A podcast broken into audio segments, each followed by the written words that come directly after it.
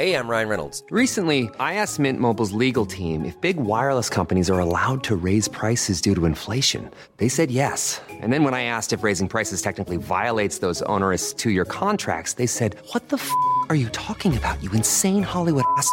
F- So to recap, we're cutting the price of Mint Unlimited from $30 a month to just $15 a month. Give it a try at mintmobile.com slash switch. $45 upfront for three months plus taxes and fees. Promo rate for new customers for limited time. Unlimited more than 40 gigabytes per month. Slows. Full terms at mintmobile.com.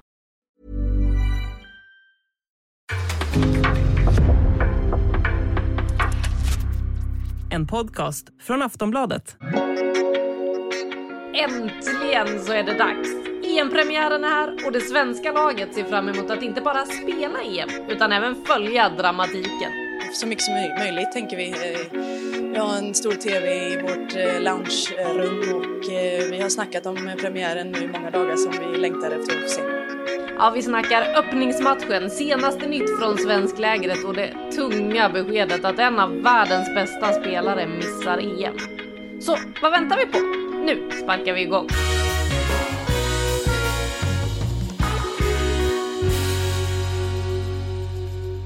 Ja men än en gång varmt välkomna till ett hotellrum i Chester i England där EM alltså på riktigt ska börja. Vi ska snart prata om eh, öppningsmatchen, den som ska sparka igång festen. Och Frida, du ska få berätta allt vi behöver veta om England framförallt. Eh, jag tänker att du kanske inte har riktigt lika bra koll på Österrike, eller? Eh, det var inte så länge sedan Sverige mötte Österrike i och för sig. Nu minns jag inte exakt när det hände. Men det jag minns var att de hade blivit bättre, eller de var bättre då jämfört med gången innan Sverige spelade mot dem. Men mer än så minns jag faktiskt inte. Nej men jag var ju i Österrike. Ja. Det var ju så det var. När de mötte varandra i en träningsmatch inför VM 2019. Och sen mötte de väl Österrike igen då för inte så länge sedan. Och när de möttes i, utanför Wien var de inte sådär jättebra. Men ja, det, det sker framsteg där också. Ja, det gör ju det på många håll i eh, det här fotbolls-Europa, men vi eh, ska till Sverigelägret där vi ju befinner oss en liten bit ifrån eh, och dra senaste nytt där. Men vi ska börja med det som får en att säga åh fan idag. Nämligen nyheterna om den spanska storstjärnan Alexia Putellas som ser ut att missa det här EMet. Enligt uppgifter i spanska medier så är det en skada på främre korsbandet. Det är officiellt till och med. Landslaget har gått ut och bekräftat så att det är ju klart, tyvärr. Otroligt tråkiga nyheter. Eh, Petra, vi har ju precis pratat om det här i ett kort TV-klipp på, som finns på Aftonbladet, men om du får prata lite mer eh, om det här. Vad, vad, hur reagerar du på beskedet och vad, vad, vad tänker du kring att en storstjärna missar EM? Ja, det finns ju så många olika aspekter på det där. Det finns ju den rena publikaspekten. Eh, Damfotbollen går mot sitt främsta, förhoppningsvis största EM eh, någonsin och man vill ju att alla ska få njuta av de briljanta fotbollsspelare som finns och eh, Putellas är ju verkligen en utav dem. Eh, och, eh, så, så det är ju liksom en förlust för, för fansen och TV-publiken. Det är det ena. Det är en stor förlust för det spanska laget som eh, eh, blir av med sin lagkapten, sin, sin kreatör, sin avslutare och, och allt vad... Liksom, det, det finns ju så många sidor i hennes spel som är oersättliga på många sätt.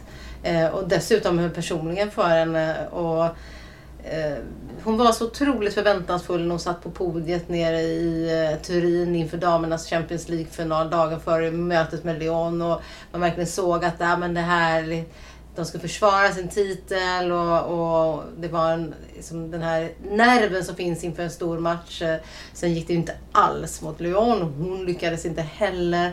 Eh, långt ifrån från den kapaciteten man hade hoppats på. Då tänkte man så här, gud men hon får ju ändå sin chans i EM. Hon kommer ju bli den stora stjärnan i EM.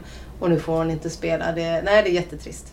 Alexia Putellas som ju alltså är hjärnan och hjärtat i det spanska landslaget precis som hon är i Barcelona som har tagit hela Europa med storm. Eh, både, ja då från i fjol kanske från den där Champions League-finalen var väl då folk började upptäcka dem på riktigt när de körde över Chelsea. Och sen säsongen som har varit i år. Och ska man se till Barcelona, du såg dem i Turin, jag såg dem på plats på Camp Nou, en av de här matcherna med över 90 000 på läktaren. Och när man gick runt utanför Camp Nou, för jag smög ju runt där och skulle leta liksom, okej, okej, hur mycket ser man av damerna egentligen runt arenan? Och i alla de här souvenirsstånden, ja men där hängde ju de Jong-tröjor, det hängde fortfarande Messi-tröjor man kunde köpa runt om. Men de damtröjorna man hittade, alla de, så stod det ju nummer 11 Alexia på. Det var det som sjöngs under nästan hela matchen. Det är ju hon som är fanfavoriten. Så att, nej. Vi kan ju också, för de som inte har köpt vår EM-bibel eller läst plus kan vi också avslöja att vi har ju henne som EMs bästa spelare på den. Så Frida, vad tänker du om att eh, en sån här storstjärna inte kommer till spel?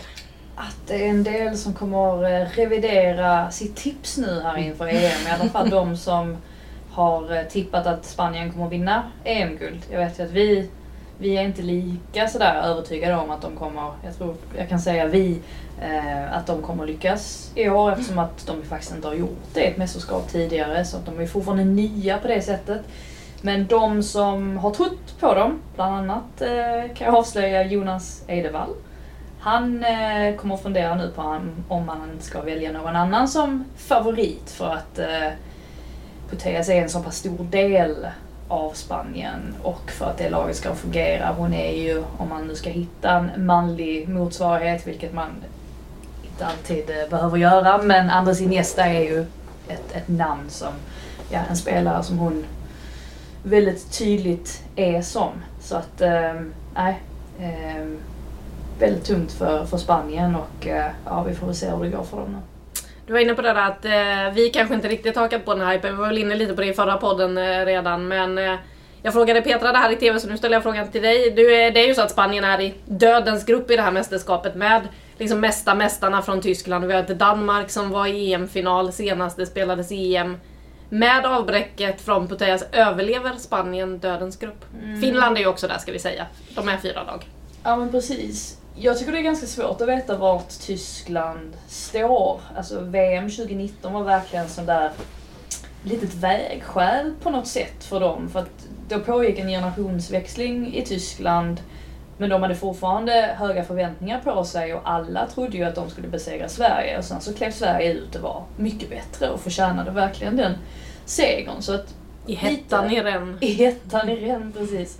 Så jag är lite osäker på alltså, hur pass bra Tyskland faktiskt är idag. Och detsamma gäller ju Danmark. Alltså det Danmark har, det är ju Pernilla Harder framför allt. Och hon kan göra mycket på, på egen hand. Och jag skulle väl ändå, jag tror faktiskt nu, nu jag förstår varför man väljer Putea som eller säga att hon är den bästa spelaren i världen just nu. Särskilt eftersom att hon liksom har fått alla de här priserna och med tanke på den senaste säsongen.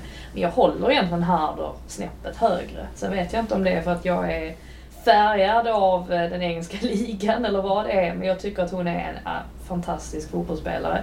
Och kan såklart göra mycket på egen hand. Jag säger kanske ändå att Spanien kommer ta sig vidare från gruppen. Men jag vet inte, som sagt, många som kommer revidera sina tips efter det här tror jag. Och vad känner du Petra? Nej, men min första tanke var ju att nej, men nu är det kört. Nu, nu tar de inte sig vidare från gruppen. Men det är liksom när, på vägen tillbaka när vi gick och pratade alldeles nyligen om det här så kan man ändå tänka att alltså, det finns ju otroligt mycket kompetens i det laget och det finns eh, många andra skickliga spelare. Det kanske är så att eh, som det ofta är då när man har väldigt tongivande spelare i laget så, så kliver de andra inte fram ordentligt förrän förrän den eh, spelaren inte finns där. Liksom. Så att det kanske finns andra som, eh, som steppa fram ännu mer. Så att, eh, eh, de är inte samma favorit, gruppfavorit alls. Jag vill inte räkna bort dem helt och de kommer nog eh, få slita för att eh, ta eh, sig vidare och det kanske är en andra plats i så fall. Men eh, eh ja, det blir otroligt eh, onekligen väldigt intressant att se hur de hanterar den här motgången. Mm, stor motgång är det och eh, Spanien kliver in i EM mot Finland på fredag för de som ville se den matchen. Innan det är det alltså öppningsmatch men vi ska fortfarande inte dit. Nu ska vi till det svensklägret eh, och senaste nytt därifrån. eh, Nu är det ju så att Stina Blackstenius har varit snackisen inför premiären. Nu ska hon prata, så snart vet vi ju förmodligen hur det är med henne. Men Stina Blackstenius betydelse, vi var inne på det senast. Frida, du ville backa, eller? Kring vad du pratade om i senaste poddavsnittet. Nej men det blir ju sådär när man eh, vrider och, och vänder på grejer. Vi pratade om Linda Sembrant, om hennes betydelse i försvaret och det håller jag ju fast vid att jag tycker att det har sett skakigt ut i försvaret. Men det tror jag att vi alla är överens om också. Och jag har ju varit inne lite på det här med trebackslinje. Om det kan vara så att det är en sån som väntar just för att säkra upp lite grann defensivt. Och eh, sen var jag ju inne på att, ja, nej men Hurtig, alltså det känns ändå helt okej okay om hon skulle starta centralt kontra Stina Blackstenius. Även om man såklart alltid håller Stina Blackstenius först. Alltså hon, hon är ju den, den bästa anfallaren, eller den bästa centrala anfallaren vi har, helt klart. Men nu börjar jag känna mig lite så här orolig att, nej men med tanke på matchen mot Brasilien så är det kanske ingen, ingen höjdare ändå om Hurtig skulle starta centralt. Vi, hon snackade ju med journalisterna under gårdagen var det väl, eller vad säger man, måndagen. Och eh, pratade då om skillnaden mellan henne och Stina och sa ju rätt rakt ut att vi är ju olika typer av spelare. Och eh, menade ju på det att man tappar djupledsspelet med henne. Men däremot sa hon så är jag bättre i boxen. Och det kan jag också hålla med om även om med Stina så det hon gör och som man ser också vid det ena målet där med Brasilien, det är att hon öppnar ju hela tiden upp ytor genom sina löpningar. Så att det faller liksom lite det också att ja, men Hurtig kanske behöver Blackstenius, hon också. Eh, så att just därför så har jag börjat svänga helt och, och eh, ser mig besegrad av eh, Petra då som jag tyckte la fram väldigt goda argument för varför... Du ser det som, en, som en match. 1-0 till Petra alltså! ja. Ja, men jag tror att jag har varit lite för svag för Hurtig kanske. Och måste... Ja. Och så pratade vi lite om det, och vi nämnde ju det om att kanske är det så att det blir en trebackslinje om Blackstenius inte kan starta. Eh, och sen så kanske de kör med eh, en fyrbackslinje då om Blackstenius startar. Kanske också en möjlighet, men jag, jag vet inte. Det känns som att man försöker hitta svar hela tiden och eh, försöker tro sig se saker på träningar och sånt där. Men i själva verket har man antagligen inte den blekaste aning. Jag tänkte säga att vi kan ju avslöja att eh, de körde både tre och fyrbackslinje på dagens hemliga del av träningen för att nu har de börjat stänga till lite och det märks att vi närmar oss premiär men det är ju inte vi som avslöjar. Vi kan väl lyssna på Johanna Rytting Kaneryd. Eh, idag var jag till höger också. Eh, både, både och. Vi testade lite. Både 4-3-3 och eh, 3-4-3. Testade båda? Ja. Vad var bäst? Eh, nej, båda två har både för och, och nackdelar så att jag svarar båda på dem. Ja Petra, vad säger du om resonemanget kring tre och fyrbackslinje då? För nu säger ju Johanna att eh, båda två grejerna har testats här. Ja, och då har ju Frida och jag roat oss åt att eh, se lite grann. Eh, först pratade vi om hur det har sett ut liksom bakåt. Visst har de ändå spelat mest fyrbackslinjen. Och sen tittade vi på det och gick tillbaks då 2022, 2021. Och då har de ju varierat. Det är fler gånger som de har spelat fyrbackslinje än trebackslinje. Men de har ändå ganska stor variation emellan. Under 2022 så är det två matcher, tror jag, va? eller mm. kanske tre. Eh, däremot så i, under OS så var det fyrbackslinje hela tiden och det var ju ändå mass, liksom mästerskapsmatcher. Jag lutar åt att det, liksom, att det kommer spelas en fyrbackslinje. Jag tror, jag tror att de Ja, men jag tror att det är det de kommer göra, att de känner en större, ännu större trygghet i det. Men har möjligheten att vara flexibla i matcherna eller mot visst motstånd. Då.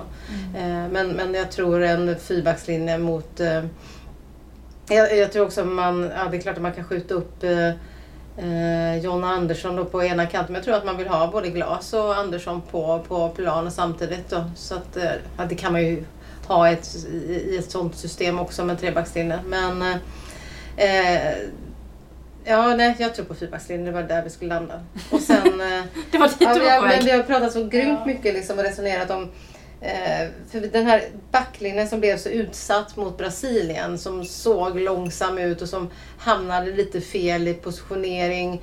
I, de liksom hade svårt i djupled när de skulle falla och hängde inte riktigt med. Där var känslan.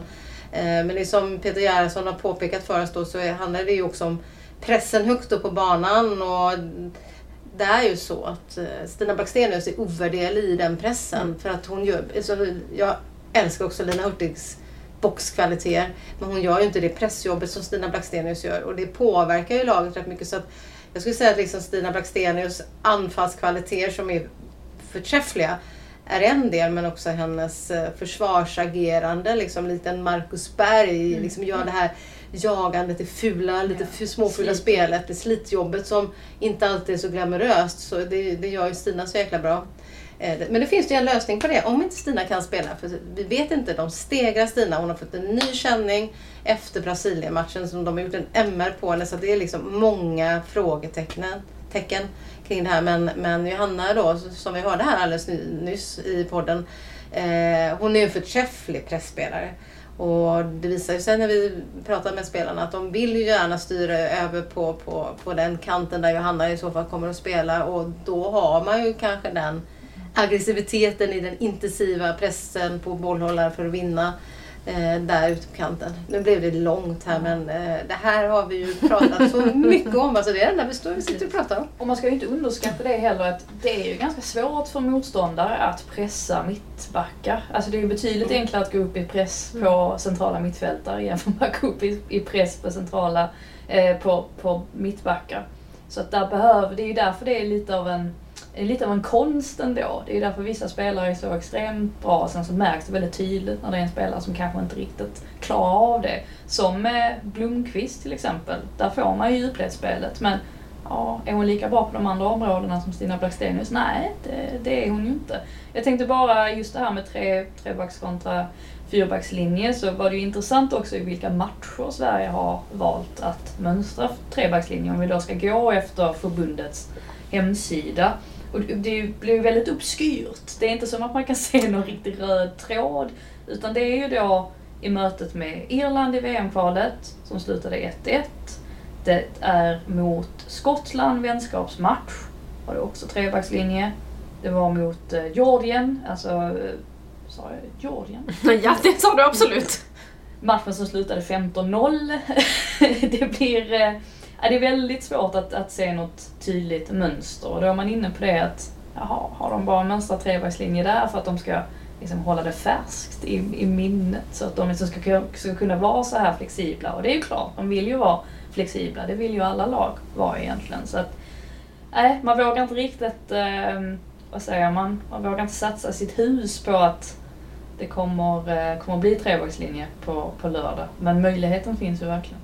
Ja, för enligt Peter Gerhardsson med så hade han ju en tanke inför OS-premiären om trebackslinje men pratade med spelarna och fick input om att fyrbacks kanske var det bästa. Så att eh, ja, det känns som att kanske inte alltid Peter heller har en helt klar Nej, tanke. Då gick det ju jättebra. Exakt. Det var ju mot USA. Det var mot USA den matchen när man går in och storspelar och har sig. Och sen att man glömmer det här att Sverige spelade treback i VM-kvalet en del.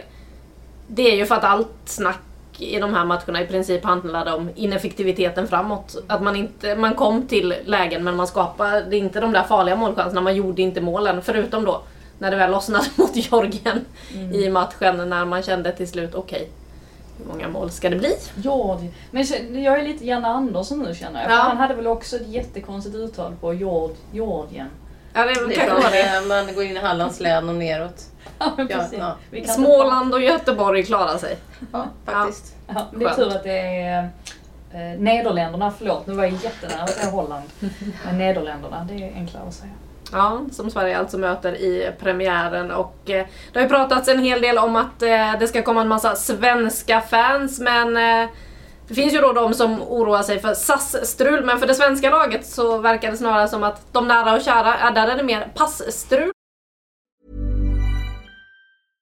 Hej, jag Ryan Reynolds. På Mint Mobile, we like to do the opposite of what Big Wireless does. They charge you a lot, we charge you a little. So naturally, when they announced they'd be raising their prices due to inflation, we decided to deflate our prices due to not hating you.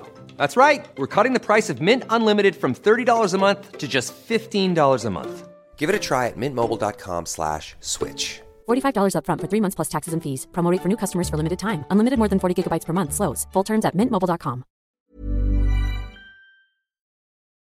Nej, jag tänker inte så mycket på det. Det är klart det hade varit kul att ha honom på plats såklart. Men eh, ja, han eh, får skylla sig själv eftersom att han inte tänkte på det tidigare. Alltså, har han ansökt om ett pass? Alltså, nej, jag, tror, jag vet inte. Jag tror att han har tid, men jag tror inte det kommer hinna komma i så fall. Så att, eh, ja, det är lite miss där av honom. Ja, det har det ju. Sen vet jag att det har varit eh, dåligt med tider så eh, ja, jag vet inte hur, hur han tänkte där riktigt. Ja, Johanna Rytting Kaneryds familj verkar få lite problem på vägen hit. Eh, jobbigt för dem om man skulle fastna på grund av passstrul men ja, det är deras eget fel som Johanna är inne på. Nu eh, ska vi till öppningsmatchen och där EMet. Eh, kommer det bli en publikfest Frida, du som bor och verkar i det här landet? Ja, vi får väl hoppas det. Gruppspelsmatcherna är ju utsålda redan, inklusive finalen på Wembley också som England givetvis hoppas på att de kommer gå till. Så även om man kanske inte märker av någon EM-feber riktigt än så tror jag väl att det inte är någon fara på taket. Vi minns ju i Frankrike 2019 inför VM så snackades väldigt mycket om det också att att eh, ja, men det var inte sånt där jättestort drag. Det var väl dessutom Franska öppna just då som tog ganska mycket av rampljuset om jag inte minns helt fel. Och sen visade det sig att det mästerskapet ändå blev det mest framgångsrika och eh, ja men hur stort som helst och hur bra som helst. Så att jag, jag tror inte att eh, jag tror inte att vi behöver dra så höga växlar av att det kanske inte snackas så jättemycket om EM just nu. Men förhoppning, förhoppningen är ju givetvis att England kommer göra bra ifrån sig så att det blir lite hype kring dem. Möter ju Österrike här i premiärmatchen och det är ju ett överkomligt motstånd för dem, minst sagt. Men eh, man ska ju få rätt på, på grejerna också inför ett eh, fullsatt Old Trafford. De har ju väldigt individuellt skickliga spelare. Har väl inte mött sådär jättestarka motstånd det senaste året förutom då i eh, ja, den här träningsturneringen som de alltid spelar i februari, mars månad. Men det är svårt att dra särskilt stora slutsatser av, av de matcherna också såklart eftersom att det är just träningslandskamper.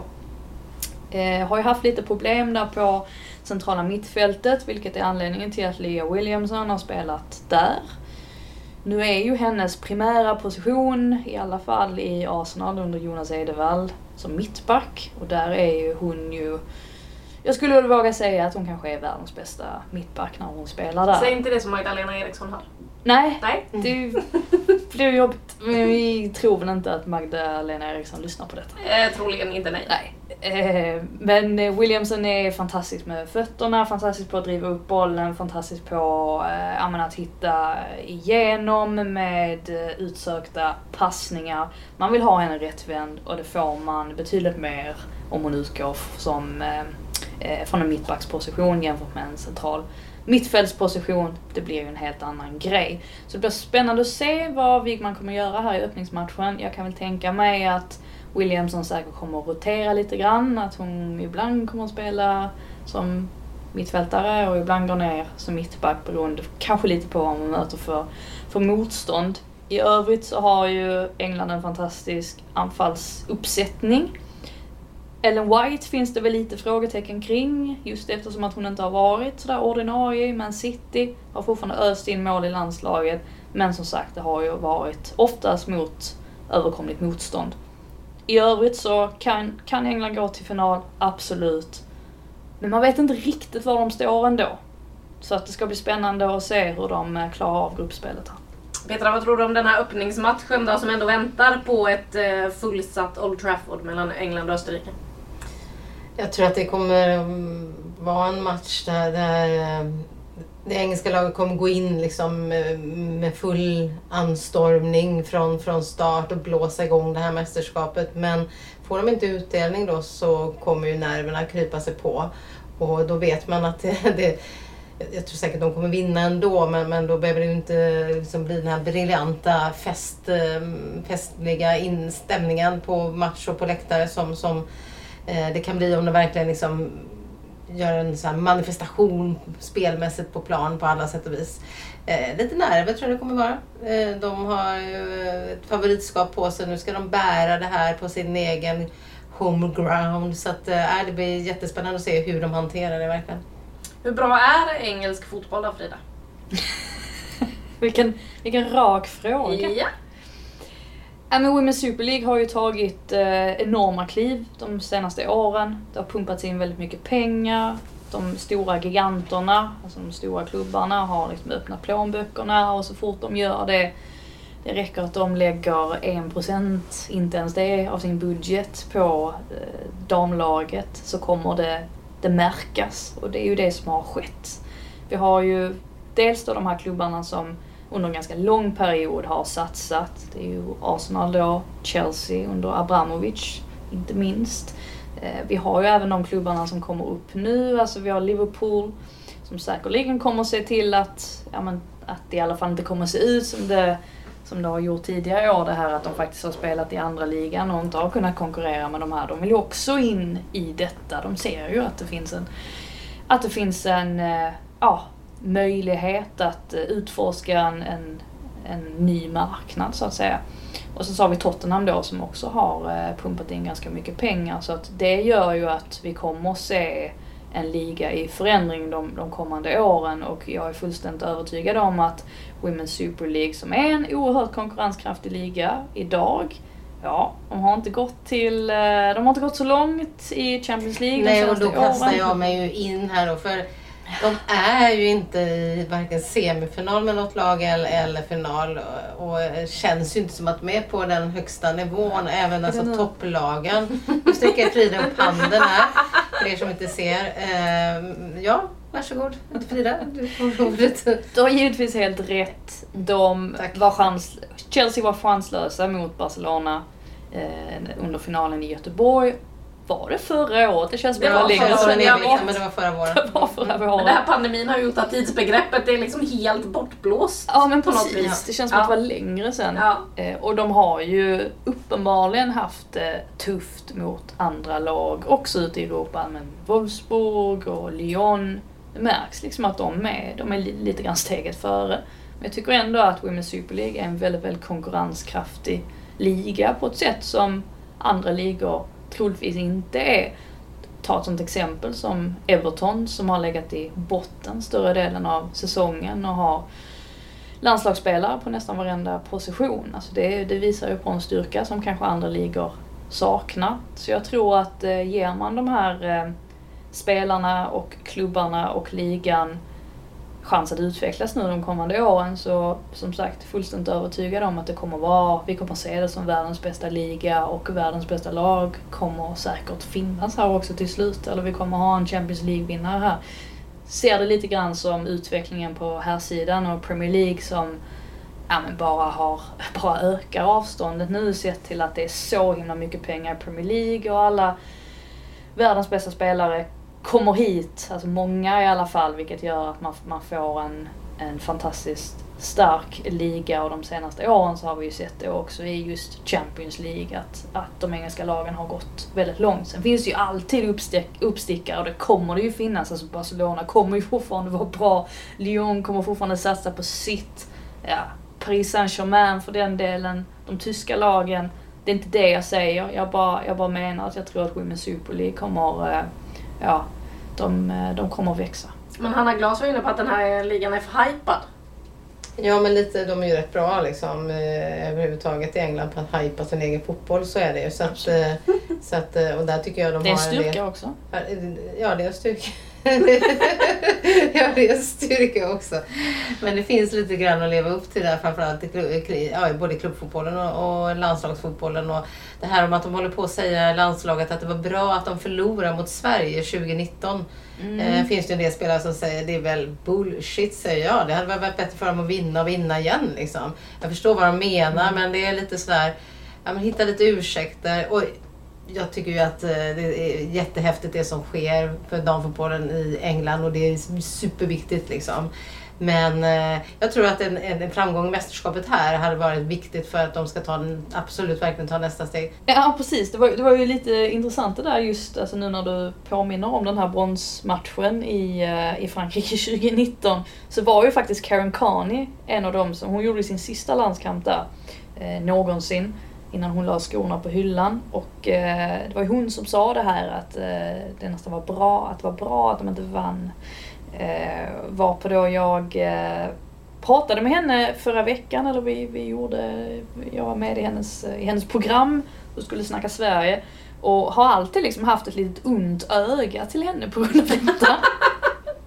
Varpå jag inser då att det här är världens trevligaste människa och hon hypade ju dessutom upp Sverige något otroligt och sa att Åh, Sverige har alla liksom delar på plats och eh, borde verkligen ses som favoriter.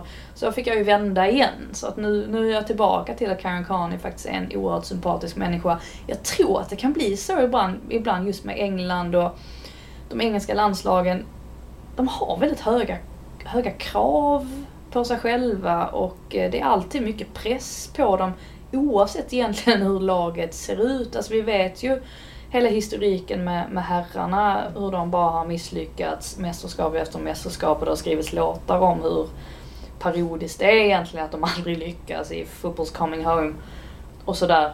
Och nu har ju damerna gått till tre semifinaler de senaste sju åren och har ju lite hamnat i det där också. Så jag tror att de känner en liten press också. De måste få till det någon gång. Även om man väl får tillägga också att det är ganska nytt här. Alltså, de engelska damerna har inte, har inte fått så här mycket medial uppmärksamhet. Utan det är ju det senaste årtiondet som det faktiskt har skett ett, ett uppsving. Och de nordiska länderna har haft ett väldigt stort förs försprång. Och det beror ju säkerligen på att de nordiska länderna är betydligt längre fram, alltså rent jämställdhetsmässigt. Men nu, nu börjar de ju komma ikapp och jag, som sagt, jag tror att, eh, jag tror att de verkligen vill, känner att de vill lyckas just för att ja, men ta det där lilla sista steget. Och det kommer säkert gynna damfotbollen i stort här och det kommer säkert gynna Women's Super League också i, i längden. Vi landade där igen alltså i Women's Super League och att det kommer bli toppen där. Det blir jättebra tror jag. Ja. vi får se när vi får se ett engelskt lag då höja Champions League-pokalen. För det var du ändå inne på att det kommer att ske framöver. Slå fast. Fem, ja. inom, inom fem år. Inom fem år. Ja, då har vi en eh, tidsperiod där att hänga upp oss på och se om Frida får rätt eller inte. Eller om hon kommer svänga i den frågan också likt Karen Carney och Lina Hurtig och vad nu, nu har svängt vad, vad, har vi för vad har vi för mästerskap om fem år? Är det något mästerskap då ens? Det är det kanske inte för detta är ju framflyttat. 2027.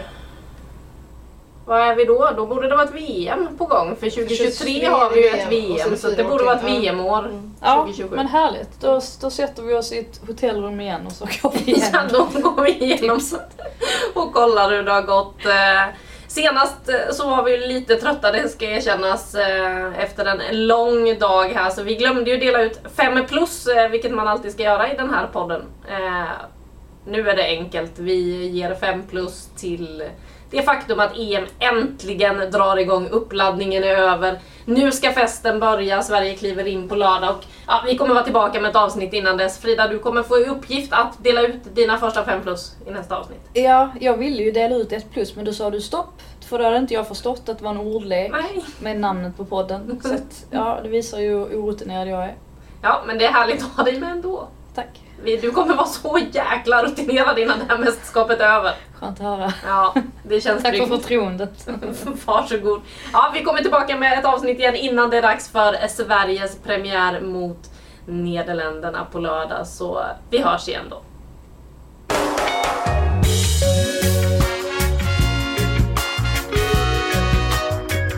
Du har lyssnat på en podcast från Aftonbladet.